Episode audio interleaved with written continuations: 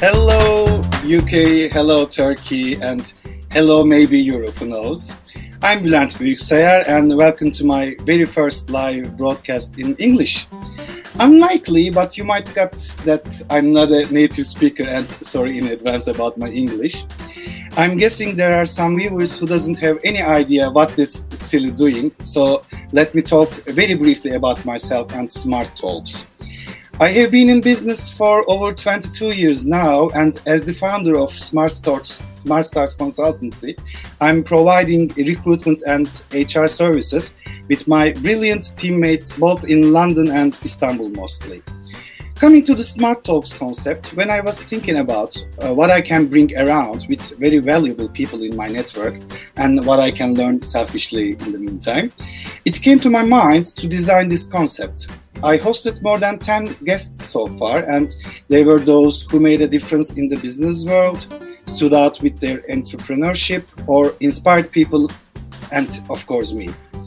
Uh, my broadcasts were in Turkish until now, but if you come across a recorded session on YouTube that might interest you, please let us know. We will prepare the English subtitles for you as soon as possible. As you know, we are live on YouTube and LinkedIn now, Therefore, please feel free to ask your questions or leave your comments anytime. We will respond as quickly as possible. By the way, from now on, there will be at least one English broadcast in each month, and I promise my hosts will be just as cool as my guest tonight. Uh, speaking of which, let's uh, get to the reason of being here. We are on air again with David this time. Hi, David. Good evening, Bullen. How are you doing? Good evening. I'm very well, thank you. How are you doing? Great, great. Good to join you, and uh, very honored to be your your first English podcast guest. So yeah, good to be exactly. here. Likewise, and I'm very honored to host you. Thank you very much for uh, being here tonight with us. And uh, there are lots to talk, right? Uh, as a oh. guest of honor, it's a good to wait to start the conversation. Uh, who is David Sturdy? maybe. Sure. So um, yeah, so I've uh, I'm South African born. My my father is from England. My mother from South Africa. I've uh, uh, yeah been been working for Yum Brands now for about uh, 13 years in the Middle East out of Dubai, uh, in in Asia out of Singapore, and then uh, working in Europe out of London. So been with them for, for a while now, most mostly with with the Pizza brand. And yeah, I live in London now. It's great to be here. Obviously, working in Europe, uh, not as much travel happening these days as we all know. But uh, yeah, super excited to kind of share a little bit of the story and, and, and chat with you tonight. Thank you very much. And uh, of course, we uh, found a fancy uh, topic for our conversation a journey to C suite, C level. So uh, and uh, you gave me so many delicious cookies before our conversation during our preparation. So I have many questions to ask to you. Sure. but but but I'll assure you it won't be very they won't be very difficult. so, Great. we will be talking about your career mostly, but on the way, as you told me before, they there were so many lessons learned and spectacular failures as sure. well. So uh, maybe uh, we can start uh, chrono- chronologically. So uh, why chase a career like this in a, a big uh, corporate? Hmm. Yeah, sure. Good question. I, I mean, it's. I, can definitely share my story. I mean, every every individual, every person is different, and, and what they're looking for is um, is unique. Uh, for me, I guess um, there were a couple of things. One is, I think it. I think these. Well, there's many reasons. I think one of the the first ones is you can go big and then go small, but it's difficult to go small and then big. So you know, if you if you're working for a, a sizable uh, business and a big corporation, etc you know, there's a lot that you can learn from that that I'll, you know, touch on in a moment. But if you go down the line and you take those learnings and you decide that you rather want to pursue another journey, I, it's my view that it's probably easier to then, you know, scale down and go and, and, and do something that may be more, uh, you know, own operated or, or whatever it might be. Whereas if you start off that way and you're kind of, you know, operating, um, you know if you you know maybe exploring something on your own or or in a smaller type environment it, it, can be difficult to then scale up again and then say okay well actually now i want to go and see what what it's like working for a big corporate um, but but that that transition sometimes can be can be difficult so mm-hmm. you know the advice i give to a lot of people is is, is start big and, and and then from there you know take your options etc and for me i mean i, I have enjoyed it thoroughly you know mm-hmm.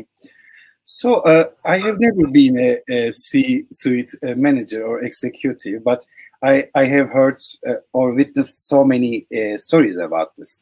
Sometimes, at some point, uh, you are deciding to move forward. You know, Hmm. sometimes mm. you can be lucky, uh, but of course, you are uh, inter- your intellectual level and your preparation is good as well. But uh, what was the uh, scenario with you uh, at some point in your career? did you consider about being a C-suite executive, or how did you become a yeah. manager?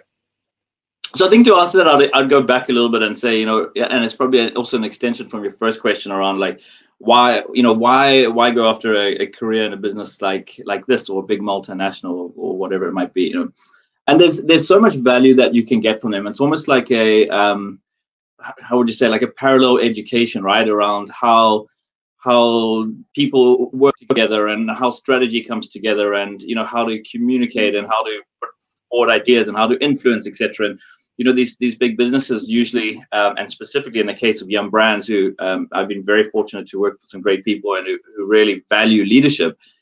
Um, you, you get all of this kind of education along the way while while you're working right? And that uh, that i find has been um, has been so valuable. And, and that's you know again uh, you know you say why why join and why do that?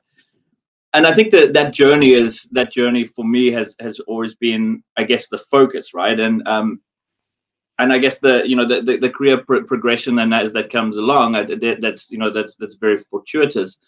Um but i guess I, I i'm not sure if it was ever the you know maybe i had an idea that i would like to you know perhaps get to that level or whatever it was but i've always found probably focusing on kind of that journey and where you are and, and delivery and, and the current role has always been the best predictor of, of moving forward right? Exactly. So uh, have you been always uh, in operations organization in Yum, or uh, how, uh, how, was your story uh, since starting uh, for working for Yum? yeah, it was always around. Um, it was always in that, and certain started off in that operational field, uh, whether it was around operational solutions or whether it was around you know driving operational performance in, in you know across markets. It was always there.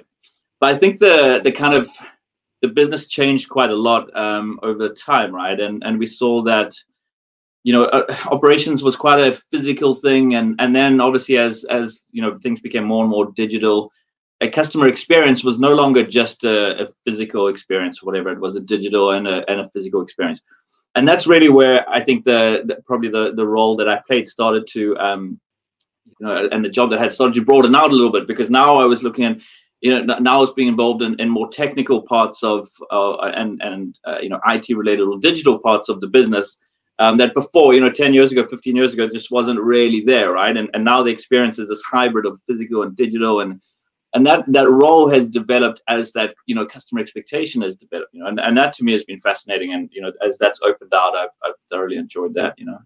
Yeah, yeah. and uh, sure for every level not for just c suites you should have the muscles of transformation change management and but uh, it beca- be- becomes more critical uh, when you go on with your career so mm uh, I uh, I'm sure you have so many challenges that you transform, for example, digitally with your organization, with the people, or with the process you're responsible for, right? Mm. Mm. Yeah, sure. And especially in a you know if you're working in a in a brand new startup, you may not have this this issue, right? Because you're you've got no legacy issues and you're, you're straight into um, you know the latest technology and the latest infrastructure and everything is just you know, it's shiny and it's beautiful. You know, the Pizza Hut brand is about 1958 we were found uh, founded, right? So, so we've obviously grown over the years, and and and and it's great working for a brand like that because it's got so much heritage and people connect with it, and it's um you know it's got a it's a rich brand. but on the other side of the, the, coin is you have a lot of legacy issues, right? Um, so then as this customer expectation is is changing because uh, you know there's disruption out there, right? Like the aggregators are changing things, even just the the, the kind of um, you know if you order an Uber, just that experience around transparency and being able to see it and the ease of use, etc. Customers are changing their mind, changing their their uh, expectations. It kind of moving a, a, brand that's got this heritage into this newer uh, this newer area is quite is quite um, it's quite daunting and it's not always it's not always smooth right it's it can be painful and I, I am not sure if there's any silver bullet it's it's really around I think I've found around just probably staying the course um, and and also you allow for it to be bumpy right? When you're rolling out new technology when you've got new ways of working there's going to be a time of disruption and you know especially people who have heritage or, or people who work for the brand for a long time may you know there could be some adoption challenges. And, and you've kind of got to allow for that and say we're going to go through three months or whatever it is? And we know there's going to be some noise and it's going to be some bumpiness and and we be prepared for that and, and not turn around at the at the first sign of, of trouble you know? Yeah. But uh, I guess in the journey that that I've had and, and especially in the UK over the last uh, the last probably 12 18 months has very much been focused on that. And you know there's times when you're in the middle of it and you're doing a big tech deployment and there's so much noise and you know things aren't necessarily working and you you want to kind of pull your hair out and wonder what you've done. But you know having that conviction to stay the course is, is probably the most important part. Especially uh, exactly. And also uh, besides the tr- digital transformation there has uh, there is a, brexit waiting. So mm. as a all, head of all operations across uk and europe so it was uh, it, it was another uh, or still being another challenge for you uh, yeah sure. Right?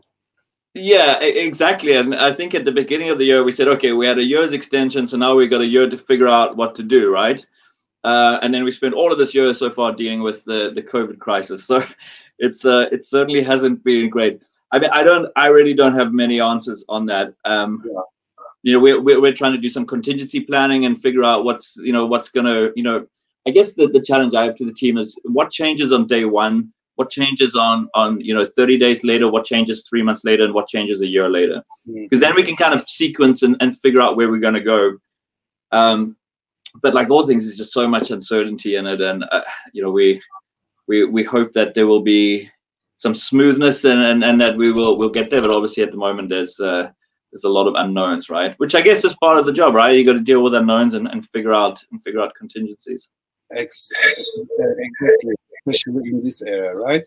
Totally. Okay, so uh, how can you prepare to a C-suite uh, management uh, role? Sure. Uh, it's a yeah, good question. I, I, I for me, I guess question. I know. yeah and, and, there's so many different ways of, of, navigating the world and, and everyone has their own style I, there was a couple of principles that i think i learned along the way that that i value right um, and the first one was around nothing moves a career forward better than making other people look good and this kind of principle and it's a i mean it's a great way to to operate in general let alone you know not not purely just for for career advancement. But I've always I've always valued this because it um it's counter it's counterintuitive to sometimes some of our more selfish instincts would be you know if something's going well how do we get the how do we show that our, we're associated with a project and how do we make sure that our names and lights and, and flashing up there and everybody knows that we're performing well etc so that sometimes can be the you know that that first initial reaction as to how to um you know how to how to operate. But the reality is it's completely counterproductive. And and the more that you the more that you support others and you you make others look good and you know whether it's your boss whether it's your colleagues whether it's people that you work with right? Um, it's a strategy that over the long term just will never ever fail right? And again this is this is more of an ideal and and and something that i i you know continuously need to challenge myself on but i think that that would be the first one that i would say and there's so many examples of it of how you know by by doing that you know the long-term benefits of how you build trust and relationships and and and how these kind of snowball into something i guess meaningful is, is important. Like i say sometimes it's a, it's the opposite to how we would look at something right? Yeah. Yeah. And sometimes uh, maybe this is my personal uh, opinion sometimes you you don't uh, you uh, you shouldn't uh, afraid to uh, have mistakes, you know, to make mm. mistakes as well, because you learn so many things for from your mistakes. Totally right.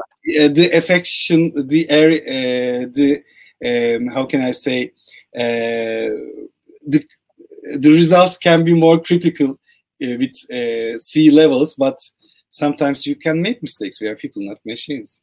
Yeah, sure. And it's everything that you do before that's going to set you up for that, right? And you're right. It's a difference between are you playing not to are you playing not to lose or are you playing to win, right? Because if you're playing not to lose, then you can play very safe and and and the the appetite for risk becomes extremely limited, right? Um, and that's kind of a it's a self-preservation mode, but I'm not sure how far that will really take you. So it's that balance of how do you how do you play to win? And when you play to win, there's there's risk, right? And you're you're going after bigger things and you know as the as your career goes the, the, the upside or downside of of these these um kind of initiatives can become quite quite meaningful but but without without genuine um and you know risk is not risk is not to be uh is not to be careless right i mean to risk is to build contingencies and to understand but also not to be afraid to say if this goes wrong it's uh, you know the, the, or, or at least at least put yourself in a position where you, where things can go wrong, right? Because if you're not doing that, you're just not stretching and not pushing yourself enough for, for probably moving forward, right? Yeah. Uh, can you remind us how uh, you are uh, are you uh, managing uh, directly or indirectly at the moment? How many how many direct and indirect reports? Yeah. Um, so at the moment I have uh, so at the moment I, I manage a, a, team of six six really highly capable great leaders. Um, which works I find quite well now. initially, when I when I came into this role, I had more than that. Um, I had a yeah. at one stage 9 mm-hmm. and it's just for me. I mean, there are probably of people with with more uh, with greater capabilities and who can manage eight or nine effectively. But I, I found managing eight or nine people was was really really challenging because exactly you just yeah you just can't give them the the type of because the role require the role is effectively one of a coach primarily, right? And and that that takes time, right? It's you got you got to put time aside and you got to invest in people and you got to understand them and and really, um, you know, in, like I say, invest. So I did a bit of a you know re- restructure towards the the beginning of this year and brought it into six. And one of the key learnings I found is, you know, you know, direct level or whatever beforehand, it was it was probably okay to have you know, if you had people doing the same role reporting into you, would be quite normal. Like if you had, let's say, you know, three or four field-based, you know, managers that may be reporting in, then that was fine.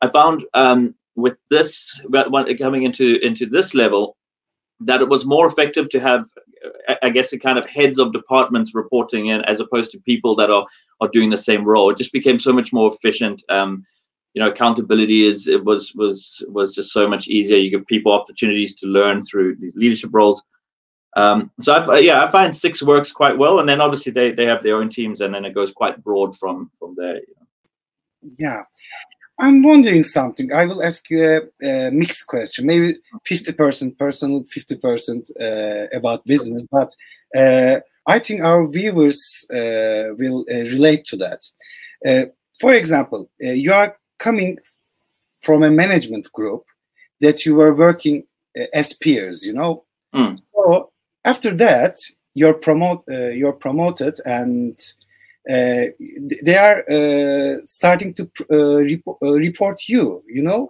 Mm. So you are not peer level colleagues anywhere. anyway, so how how what was your case? How did you manage it? Was it hard? Was it challenging? How, how did you uh, solve this? Uh, is, the, the, uh, were there any problems? I'm uh, wondering these questions answer a lot. Yeah, sure. So, so in this most recent one, when I uh, when I, I, started this role at the beginning of last year, I actually transferred internally from our Asia Pacific office in Singapore to our UK uh, to our European office. So this this probably negated a bit of that, but uh, in the past it, it has happened. Um, yeah, it's I mean it's always a challenging one. I guess it's you know the transition is probably the most difficult part, and within three months a new normal, a new normality has been has been found, and then you can you can kind of get there.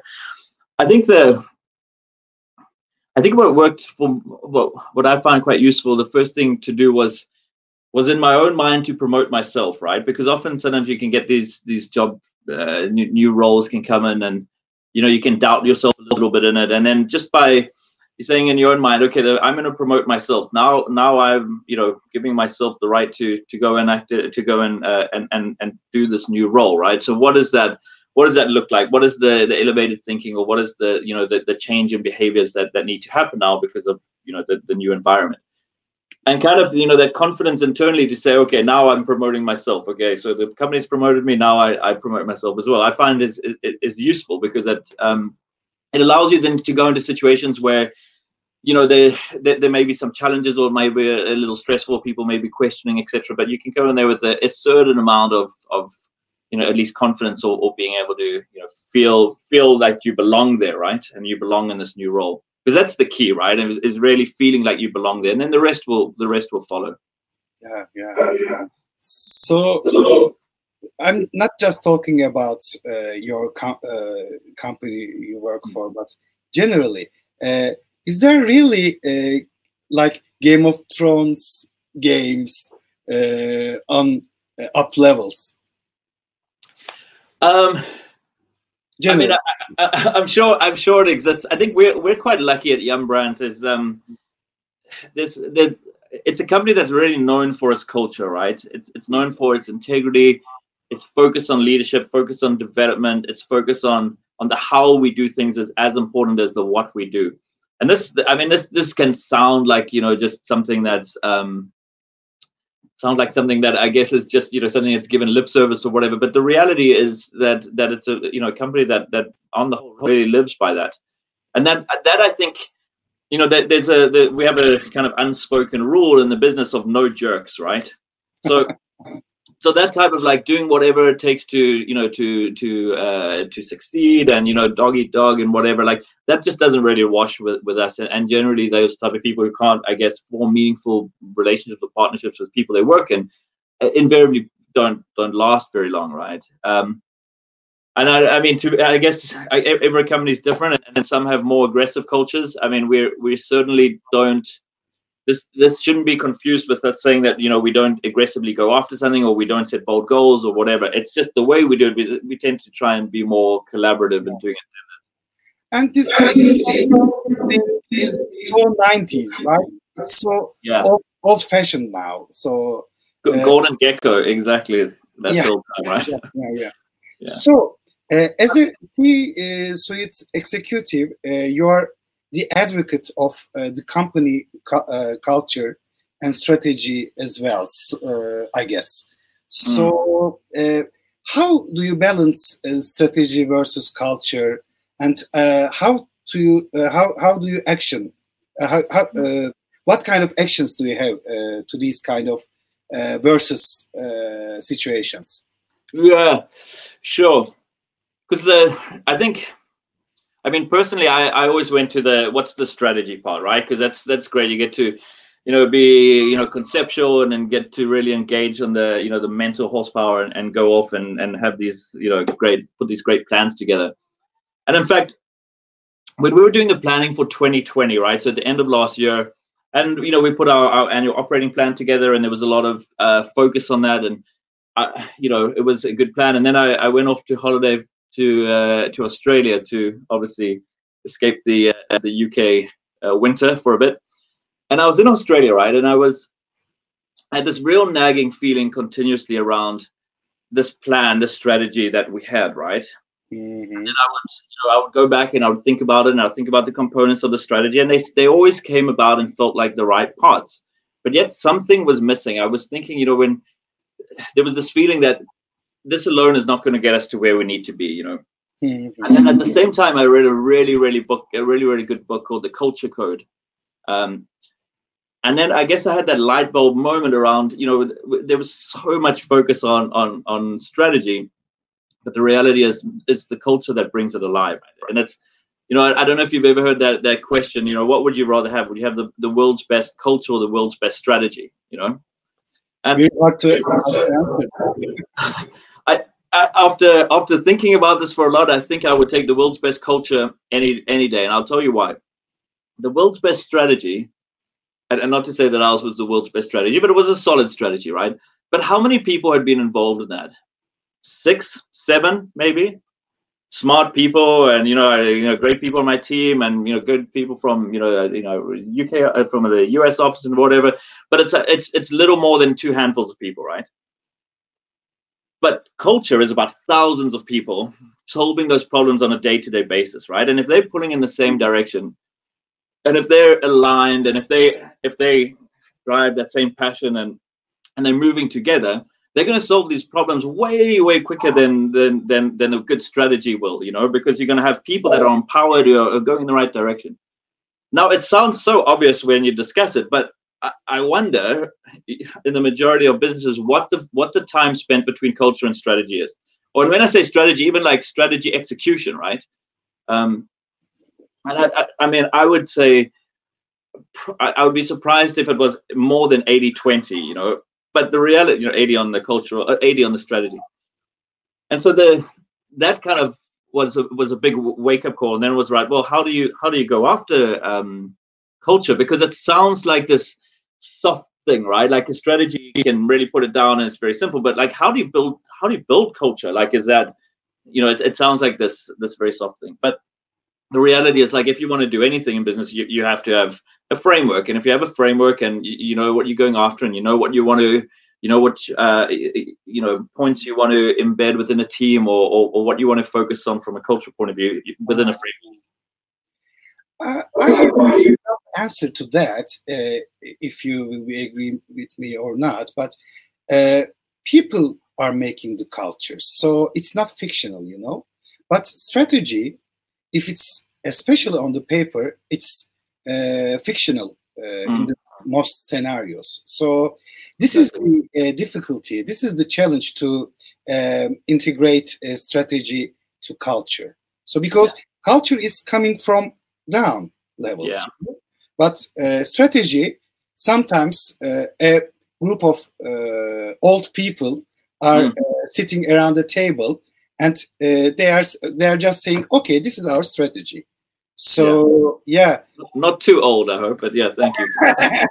no, I, am still talking about nineties, not about you. and, and it's a good point, right? And I think um, so. So uh, there's three, and again, really based on the you know that that book, The Culture Code, which I highly recommend reading. Um, mm-hmm. there was three things that a good that a team has all the teams have from a cultural point of view right that there was this, you know, so that the author went into a lot of research and they looked at um, highly performing sports teams, business teams, even even jewelry. Uh, you know, this this gang of jewelry thieves that were operating in Europe, and they were just they looked at all of these organizations that were just significantly more successful over a long term period than their peer group, right?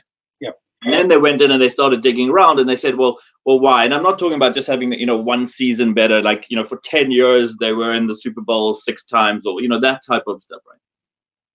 and there was three there was three elements that they kept seeing come up in it right and the first one was that the the members of that team or that that organization felt connected with the organization right they felt connected and they felt safe and and and not only connected now but also when they thought forward they wanted to you know like they, they could see themselves being connected with this organization in, in 12 months or 36 months or whatever it was right? So that like how do you drive that sense of connection? And that's very personalized right? That's how you know you get an individual uh, you know to connect with something that that's obviously uh, uh, you know broader. So the first one was how do you, you know connection? The second one was around um, the teams that were highly successful had the ability to have vulnerable conversations. Now the question is oh, you know vulnerable why do you need to be vulnerable etc i guess the opposite of vulnerable would be like aggression or would be ego right? So if you can have vulnerable conversations you can have you can have conversations like where, where you can admit not to know the answer to something or to admit that you're having a challenge working through something and that th- there's no ego there. The teams can come together and say look this is working. This is not working. I need help on this. And that ability you know because sometimes again our our initial action or, or, thought might be to you know i know how to do this i got it covered and and to be kind of you know ego orientated but it's a real value destroyer so being able to have that that that that vulnerable conversations to sit down and say, hey, I, you know, I need help on this. I don't know what's happening or, or, or whatever. And then the third one was around um, that the, the, members of that organization were clearly aligned on where that organization was going and what steps it would take to get there. So if you kind of put those three together, you're feeling connected, the ability to have vulnerable conversations, and and really really aligned on on where it's going and how to get there, then then you can typically that team starts to perform quite well, and the, and the culture within that team becomes very strong and and and self-replicating, etc. So that's really what what we've looked at is how do we drive those three pillars. So again, it's you know it's not just this kind of airy fairy idea, but there's three very clear deliverables that we can measure. You know how we can we can go after, we can do actions against. You know.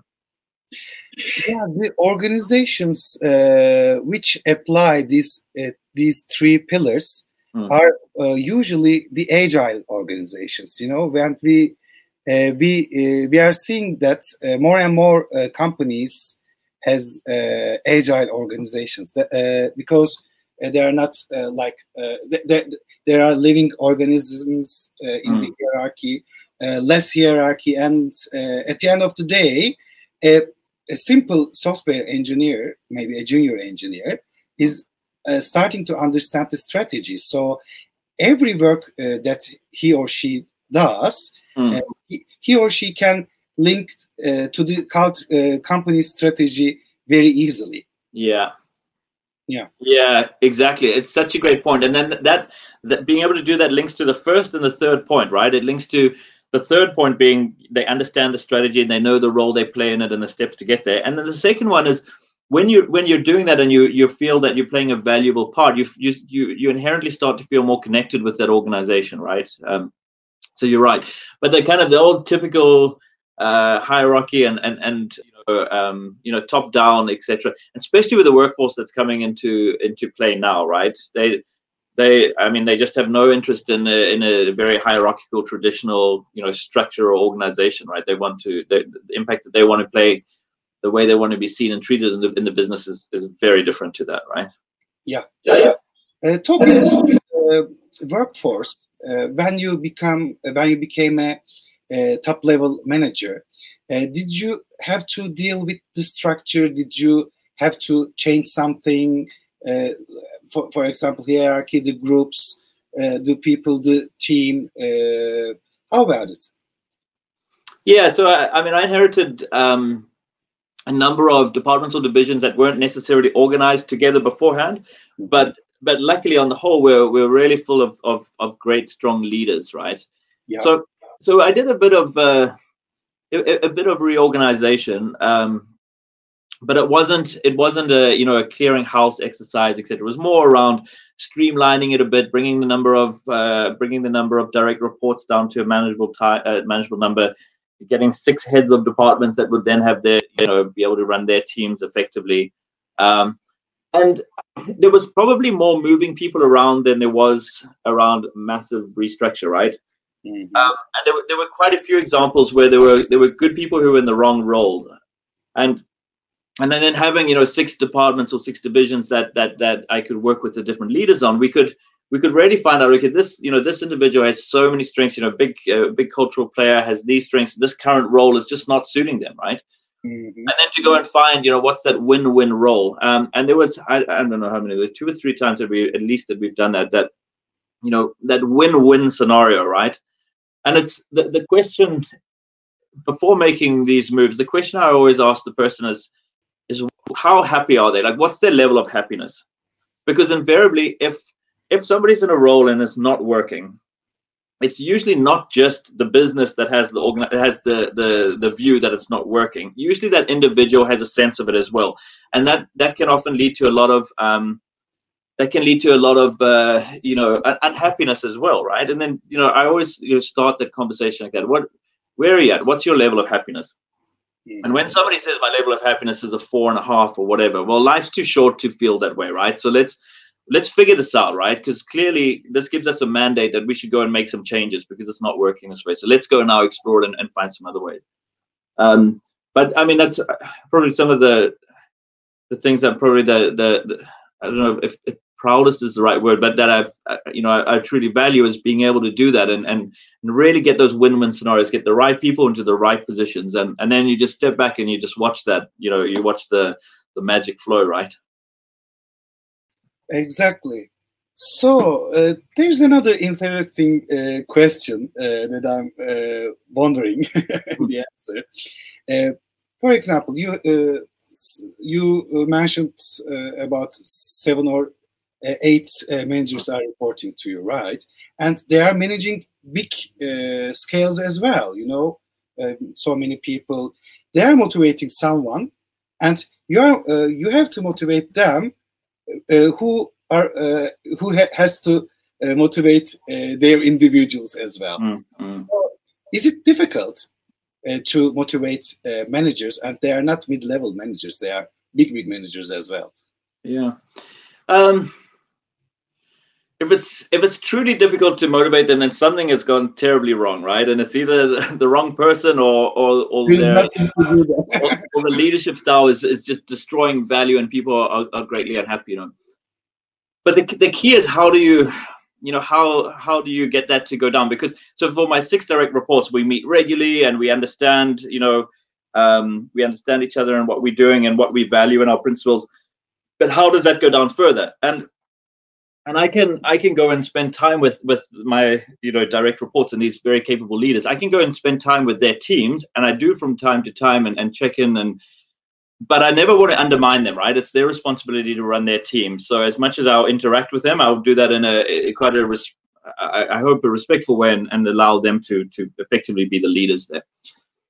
So what we did quite early on is we defined the principles that as a, you know, these six departments or divisions that came together, we defined the principles that that we wanted to um, that that we, that we that we valued, right? Um, and it was around you know, uh, there was a couple of them around. Uh, you know, we, we, we do whatever it takes to get it done, and you know, we do it together. There's no individual behavior, right? We um, we highly value moving quickly, and with that, we're you know, we tolerate failure. We understand it. We embrace it when we have to. We came up with four or five kind of principles that we wanted to have as a team, right? And then you know, we, we, we went back and forth. There's a lot of consultancy to this. It wasn't definitely, it definitely wasn't, you know, me on a, a, whiteboard writing all these things down in a, in a management meeting because that never gets any any traction. Mm. But once we defined these four or five principles that that we thought we we valued as a team, we would then start every meeting that we had, and we would we would go and we would review them, and we would go through the four or five or the five, and we would say, um, how are we progressing on these? Which ones are we doing well on? Which ones do we need to focus on? and then those team members those team leaders these uh, the six kind of heads of departments they started doing it with their own teams as well these are you know these are our, our the points we value and they would start each meeting by re- reviewing them yeah and then i guess the the the the, the second part and the, the just quickly to to finish off would be we really valued the currency of performance and moving quickly landing things getting stuff done you know that that to us was was hugely important. Um, and that you know that rate of change or that rate of action that was required was was quite jarring for some at first and it wasn't necessarily something that we used to and there may there may have been a bit of discomfort. But people want to i think people want to want to be a part of a team that's that's successful and they it's it's painful to get there and it you know life becomes quite maybe um, challenging for three months but once you start to build that momentum and you start to get some wins etc people really value this and they forget the pain that went along and, and then they start to embrace the change. And then that drives its own form of motivation you know i find you know? yeah. Exactly. Especially uh, in the organizations such as yours you know uh, so many things to do big operations big customer operations so uh, problems never end you know? So yeah. yeah. you have to em- embrace it at some point so uh, there's a question from one of our viewers uh, I think we partially uh, answer, uh, answered that, mm. but how about coaching mode when you reach management level? So mm. uh, I believe uh, he he or she uh, I, I don't know there's an avatar here is asking that did you prepare for how to be a good coach or are you using coaching methods to your in, to your team? Mm. Yeah, and it's I, yeah, I, it's I mean it's I guess it, it's quite personal in terms of what what coaching means and how to do it. Yeah, yeah. I think for me there was a, a few things. One was to be defined about it because it's so easy when you start a meeting with somebody. How are you doing? And then you just jump into it straight away, right? So tell me about this. How's this project going? What help do you need, etc. and then you know you, are into the you're into the back and forth of, of of business before you know it right so the first i guess the first step is just to be defined about it and to say um to either schedule some meetings where it's purely only coaching or to say i'm going to spend at least the first 15 or 20 minutes on coaching and not get into it right and and coaching is very different because then it's then it's purely asking questions you know. You, you you know that you're you're not coaching when you're being more directive and, and giving giving direction right? Um, when the when when you're asking questions is a good sign that you're probably being being coaching right? Because coaching is around guiding somebody to get in to get to a position as opposed to telling them how to get there. Yeah, um, yeah. so so one was being defined and setting time apart for it and then the second was to really just rely on and to really go and, and, and have a question based approach to it you know? Mm-hmm. um, and then the third, obviously, you know, uh, honesty is really needed in coaching, um, and the ability to to have those honest conversations. And some of that comes with with the relationship getting stronger, right? So really investing in that relationship and you know getting to know and understand people and um and, and really who they are as people and, and and to to know that they can trust you as well, right? Yeah. So I think yeah. those are, and then uh, I mean, there's various different models of it, and, and some work well and some work for others. I, I like it probably a more a more natural one of question asking of, of relationship based and and and and finding a way. I think one of the thing that the challenge that's happened is the COVID crisis has definitely got in the way of coaching because everything was a crisis and everything we needed to move quickly on and we had to make all these decisions. Um, and I was reflecting upon this the other day that we almost needed to start drawing a line in the sand and saying, okay, let how do we go out? How do we change our mindset from, you know, we, we've become conditioned over the last six months to become highly transactional, to move quickly, and you know, how do we draw a line in the sand and go back to, you know, that that that balance of coaching again? Yeah. Because yeah. I, I I can definitely see it for myself, and I'd be pretty sure, like talking to other people in, in various sectors, the way that we interact has changed and there's value in it because we move quickly and we make good decisions etc but we need to also slow that down and go back to okay that, that one-to-one coaching etc yeah. yeah yeah especially uh, with covid situation uh, you are trying to do this uh, while you're at home you, know so yeah. there's a physical disadvantage as well completely completely yeah. okay so we were uh, maybe you'll remember we were talking about imposter syndrome. Uh, mm. What imposter syndrome, and uh, what's got to do with uh, being a C-level manager? Well, good, yeah, exactly. I think it's got to do with being a human being, right? Like, I, I certainly when when I when I got given this role and was a you know it was such an exciting opportunity because um, I got to come back to Europe. I got to work in an exciting market in Europe. Um, I got to lead these great teams. Um, there was so much to do, and it was exciting. And and and what was meant to be, I guess, a really happy moment around you know this opportunity that came up. I actually found myself feeling quite uh, unhappy quite quickly, and I realized because I was you know I really doubted the ability that I had to go and and and do this role, right? And and you know there's that, that that gnawing feeling in the back of your mind they're going to find out soon that they've made a mistake they're going to find out that I, I don't have the capability to do this you know and the more people that I spoke to, the more I realized that this was almost universally felt, right? People felt this. Um, but it's not an easy thing to it's not an easy thing to express because you know our natural our natural uh, defensiveness is to is to say you know put up this kind of this this facade right and as soon as you put up a facade and you're not being yourself then then it's a challenge right yeah. So definitely that that imposter syndrome of you know they, they've given me this opportunity but i i'm not up for it. So you know i'm an imposter and i'm going to be found out you know? Um so that that i think was was really quite a learning and, and quite a, an experience to go through it. And, and and like I said, I mean, I've, I've, I've coached quite a few people who have, uh, you know, in the last year and a half or so, and spoken to, to, to some peers who've also come into you know, similar roles around the world and that feeling has almost universally been there right? Um, and it's a complete value destroyer because it stops you from it stops it, it can almost paralyze you and it stops you from um, from from sometimes having the, the courage to act. So like it's something that i think you gotta you really gotta get a, a handle on quickly. And and and yeah i mean if you're being promoted within a company then you should really take comfort from that that they know you right? If you work somewhere for 12 years or whatever and you get a promotion then you know okay you know they probably know you better than you think they than maybe even you know yourself right like they, this is not this is not just something that um, you've done three interviews and then God. And even when you're coming externally, um, you know, you got to kind of get your head around it. You got to, like you're saying, that point, right? You got to promote yourself first in your in your mind that you know you've got this role. And the best antidote to it, I think, I found as well was was was get into get into the detail, right? Start to learn the business, start to learn the people, start to understand where the gaps are, start to separate the you know what is symptomatic and what is the root cause of you know this new business that you're going into. The more you start thinking about this, the more then you you kind of all the muscles that you have in terms of leadership management and otherwise um, you know start to come into play and and the and that imposter syndrome starts to to probably go away a bit you know so but i guess that ties to you know that that book the first 90 days that we were talking about i'm not sure if you have you have you do you know it uh, sorry uh, it's called the, the first 90 days ah yeah there's a book or there's a webinar like this uh, yeah uh, I was a, not a top level manager, but uh, I was working for a BMW project in Turkey, mm. and I, I, was kind of unit manager. And uh, this book uh, they they uh, gave me as a gift, you know. Okay. Yeah, yeah. I, know, I, know, Yeah.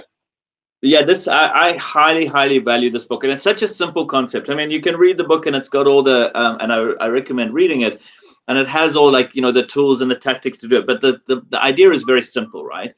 What you do in your first ninety days will almost certainly define everything else that's going to happen and follow in that role. Chronologically, like one day by day. Yeah, it's very good. Yeah. And if, if you build momentum and if you get some early wins and you build the trust of your team and you, you know, you're going to you're going to then set the tone that that's how people see you that's how people think about you that's how people think about the team and you're going to be known for a team that can that that, that gets things done and moves quickly and impactfully and is, is focused and goes after the right things and you know, once you have that and you make a start like that, you're flying, right? And then you get this momentum and it keeps building.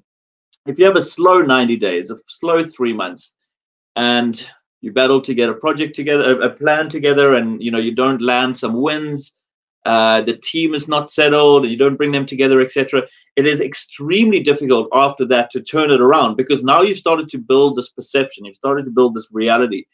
Um, and you know that, that if you nail it in the first 90 days, you know, almost three years, 10 years down the line, you will see, you know, what I did in the first 90 days was I can draw a line to this in terms of the direction, the, yeah. the intensity, the pace, the execution standard, whatever it might be, you know. Uh, it was a great thank you for it. Yeah. Uh, um, I was prepare. Uh, I prepared a final question for you, but I think this will be your uh, uh this will be your first suggestion to read this book. My uh, question was, give us some hot tips to become a uh, top level manager. Uh, cookie time. It's cookie time. Yeah. So the yeah. first answer was uh, to read this book. So uh, yeah. is there any other suggestion? Yeah. So you know, I mean, I, you know, when you say top level management, I, and and uh, you know, that's that's kind of you to, to position it like that. I mean, the first tip that I would say that's probably the view of it is probably different, right? It's around and it goes back to you know making other people look good which is more than that. It's about how do you serve people? How do you how do you genuinely how do you genuinely help and serve others right?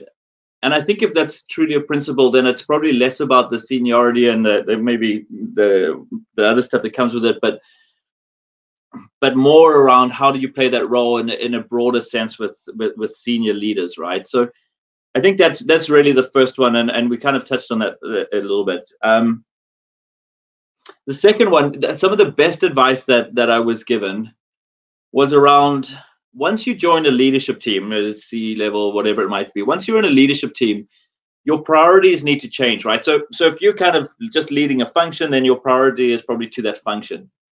Once you join a leadership team, your number one priority is no longer to your function, your your functions. Your number one priority is to the rest of the leadership team. It's yeah. to those who you're serving on that leadership team with, because by extension, that means the business, right? Your job now is not to is is of course to lead these functions and to support and coach and and and uh, and lead them. But your your number one allegiance and priority must be to the the rest of the leadership team that are around you, and this really changes everything because you know then you're you're, you're taking a more holistic business view on it. You're you're you're understanding that there are other business priorities and there's give and take in that and it really, you know, those leadership teams that are tied and who, whose responsibility are primarily is to them to each other, uh, just seem to have much stronger, uh, you know, uh, results than than ones uh, that don't. Right? And then your second responsibility is then to your leadership t- is to your your your teams that you obviously uh, you know lead, and then your 600th responsibility is to your career, right? Now, when you get that the wrong way around, and you know you get into a senior position, and your number one concern is your career, you know your second concern is how your team is, is your team primarily and then the broader business afterwards. It's a complete recipe for disaster right? Um, so that really stuck with me and I, I, heard that probably three years before i i got into this role and it, it really stuck with me and i was thinking about it and, and it helped me navigate a lot and you know again this is an ideal and sometimes we we will you know i fall back into you know maybe being too too uh, primarily looking after my my functional teams but then I have to pull back and say, actually, my real team is the leadership team, you know, and then the rest come after that, you know. So that's that's I think would be would probably be a you know quite a, a big one and a learning that that I had, you know. Yeah. Yeah. Uh, it was my question, but uh, we have still questions from our viewers. One of them is uh, from Tayfun. Hello, as everybody knows that upper managements have limited times and need energy more than other members to organize the duties. Actually, I wonder that how do you motivate yourself and what's your inner energy source? Mm, good question. So uh, this, I think I'll answer that in two parts. The first one around you know needing time. As a as a leader and at any level, but specifically, I think as you go up, if you're leading if you're leading cross-functional teams, if you ever find that your time is genuinely really completely destroyed, it probably means you're doing somebody on you're doing somebody's job for them. So so if I you know my six reports and luckily I've got you know um, I'm I'm very lucky to to lead strong strong leaders. But if I found that I had like uh, I had no time. Um, you know, and, and and you know, my my diary was completely uh, destroyed, and I had no time, and I was being sucked into things, etc then I've learned to realize that this means that probably one of the people, you know, on my team uh, is, not fulfilling the responsibility that they need to, and then I need to take a step back and understand why that is, and then and then go to it, you know. Um, so that's I think in terms of the time wise, because it should never be that your life is just completely destroyed in terms of in terms of time management. I mean, yes, of course it's busy, and of course we have to put in some long hours, but but it's got to be manageable. And if it's not manageable, it usually means something and one of your direct reports is, is there might be a, an issue there. In terms of uh, in terms of kind of that uh, you know in energy source, um, I mean, I I I like to work in businesses that that require a bit of or, or markets or regions that require a turnaround that may have lost their way a little bit, and I get an immense amount of satisfaction from from you know working with a highly capable team and turning a business around right? And seeing that seeing those that, that that improvement and that turnaround and how the results change like that that gives me a tremendous amount of energy. Um, so i think that's that's really you know that that real sense of purpose. Because when you're working in a turnaround market or or or, or, or markets um, there's a real sense of purpose around what you're trying to do right? So i like to to create that sense of purpose with the team and then and then really just go after it and, and see those results come through. And and that that to me gives me a, a tremendous amount of energy it makes me feel uh, you know because, yeah makes me yeah. want to run and that was a great question. Thank you Tayfun very much because i think everything starts with your uh, inner energy you know it, it, makes you uh, get up every morning. So thank you for this question and thank you for your answer, David. Sure. And uh, this is not a question, but we have a uh, comment like this: world best culture, world best strategy. Yeah. Sure. and uh, it's a good debate. I mean, you you need you need both, right? You definitely need both. My my I think going back to what we are saying, the, the, question is always to challenge ourselves: what what what time are we putting into strategy, and what time are we putting into culture, right? Because we never want to go 100 percent on one. But I would almost, like I say, I think that there is, you know, strong businesses probably have less challenge around this, but you know, there, there's probably a, a, corporate a corporate leaning more towards strategy, which can be quite can be quite counterproductive, right? Mm-hmm. Yeah, and I'm just putting this on the screen for laugh Mm. Please read David. Why I'm here, which suggests about talk. I don't understand this. Uh, there's a viewer here, uh, who, she or he doesn't know why he or she is here. That's a very difficult question to ask to answer. uh, the, uh, we don't have any answer for that. So, I mean, maybe it's fate, right? Oh, this is the this is this reminds me, right? Talking of fate, you know, maybe fate has brought them here. You know, you were saying like, what are what are some good tips, and and how do you how do you advance a career, right? And mm-hmm. I I would be very clear in saying that luck plays a, a tremendous amount of of uh, of a role in this, right? Yeah. Um, because we like to usually when things go badly, it's not our fault, and when things go well, it is completely only us that's done it, right? Is sometimes mm-hmm. the the mindset, but this is not the truth of it, and exactly. and and luck and opportunity is a huge one, right? Mm-hmm. And being able to being able to identify opportunity and to use use the luck that comes your way is so important, right? Like I, you know, there's some of the you know the improvements we've had in business, etc. This has come along because there's been a new technology that we've managed to um, to to identify and to roll out, and it's a huge opportunity, and it's changed our business, right, or changed the operating part of our business. And there's a certain amount of luck that that you know this technology is now available that i became exposed to it that i knew it was there etc and, and I, I would always you know acknowledge that that kind of luck or that fortuitousness that can happen. Mm-hmm. but the key is being able to identify it and then more importantly use it right? Because in all our lives i think there's going to be whatever it is a million pieces of good luck that's going to come our way because that's life and it's you know it, it's random and it's is, is how many times are you going to identify and use that opportunity you know? Yeah. David, I can't. It's been already seven minutes. Uh, I, I, didn't notice that. Uh, and oh, okay, uh, let's. Uh, do you have anything to uh, uh, say additionally, or I, I don't have any questions? So it's about one hour now. I I'm sure I'm I exhausted you a little bit. Thank you very much for that. No, not at all. I mean, it was great to great to chat with you. I mean, you know, this is this is this is, I guess, some of the the, the learnings or my take from my journey. But I think there's there's no necessarily right way. There's just there's different ways, and um, and this is, I guess, some of the the the, the lessons or learnings that I've had. But it's been great to to share them with you. And I, I mean, it's a. It, I, am not sure of, of, of, the value that the, your viewers will, will will take from it, but if there is anything there, then I, I hope that it was useful there was any points along the way. So, uh, I will just tell uh, our viewers uh, one thing. Uh, David was a great guest uh, at the very uh, from the very beginning. You know, I I met David accidentally like two weeks ago, and it was a great accident, I guess. Mm. And I just offered him once, and he, he I and I uh, th- that's the rest of it. I didn't have to chase him. He was very on point, on time. He, he gave me so many good topics and watch and learn, guests. Watch and learn. this, is, this is called, this is called using your opportunities. oh, thank you very much, and uh, I really appreciate that uh, you, you have been here uh, with us today. And thank you very much please don't go anywhere. I'm ending the broadcast and uh, we will be together for a couple minutes more. Okay. Certainly. Thank you. Thank you for that very much. Thank you. Yeah, that's for all. Thank you very much for viewing. And also, uh, it will be recorded on YouTube and LinkedIn Live as well. If you have any questions, any comments more, we are very reachable.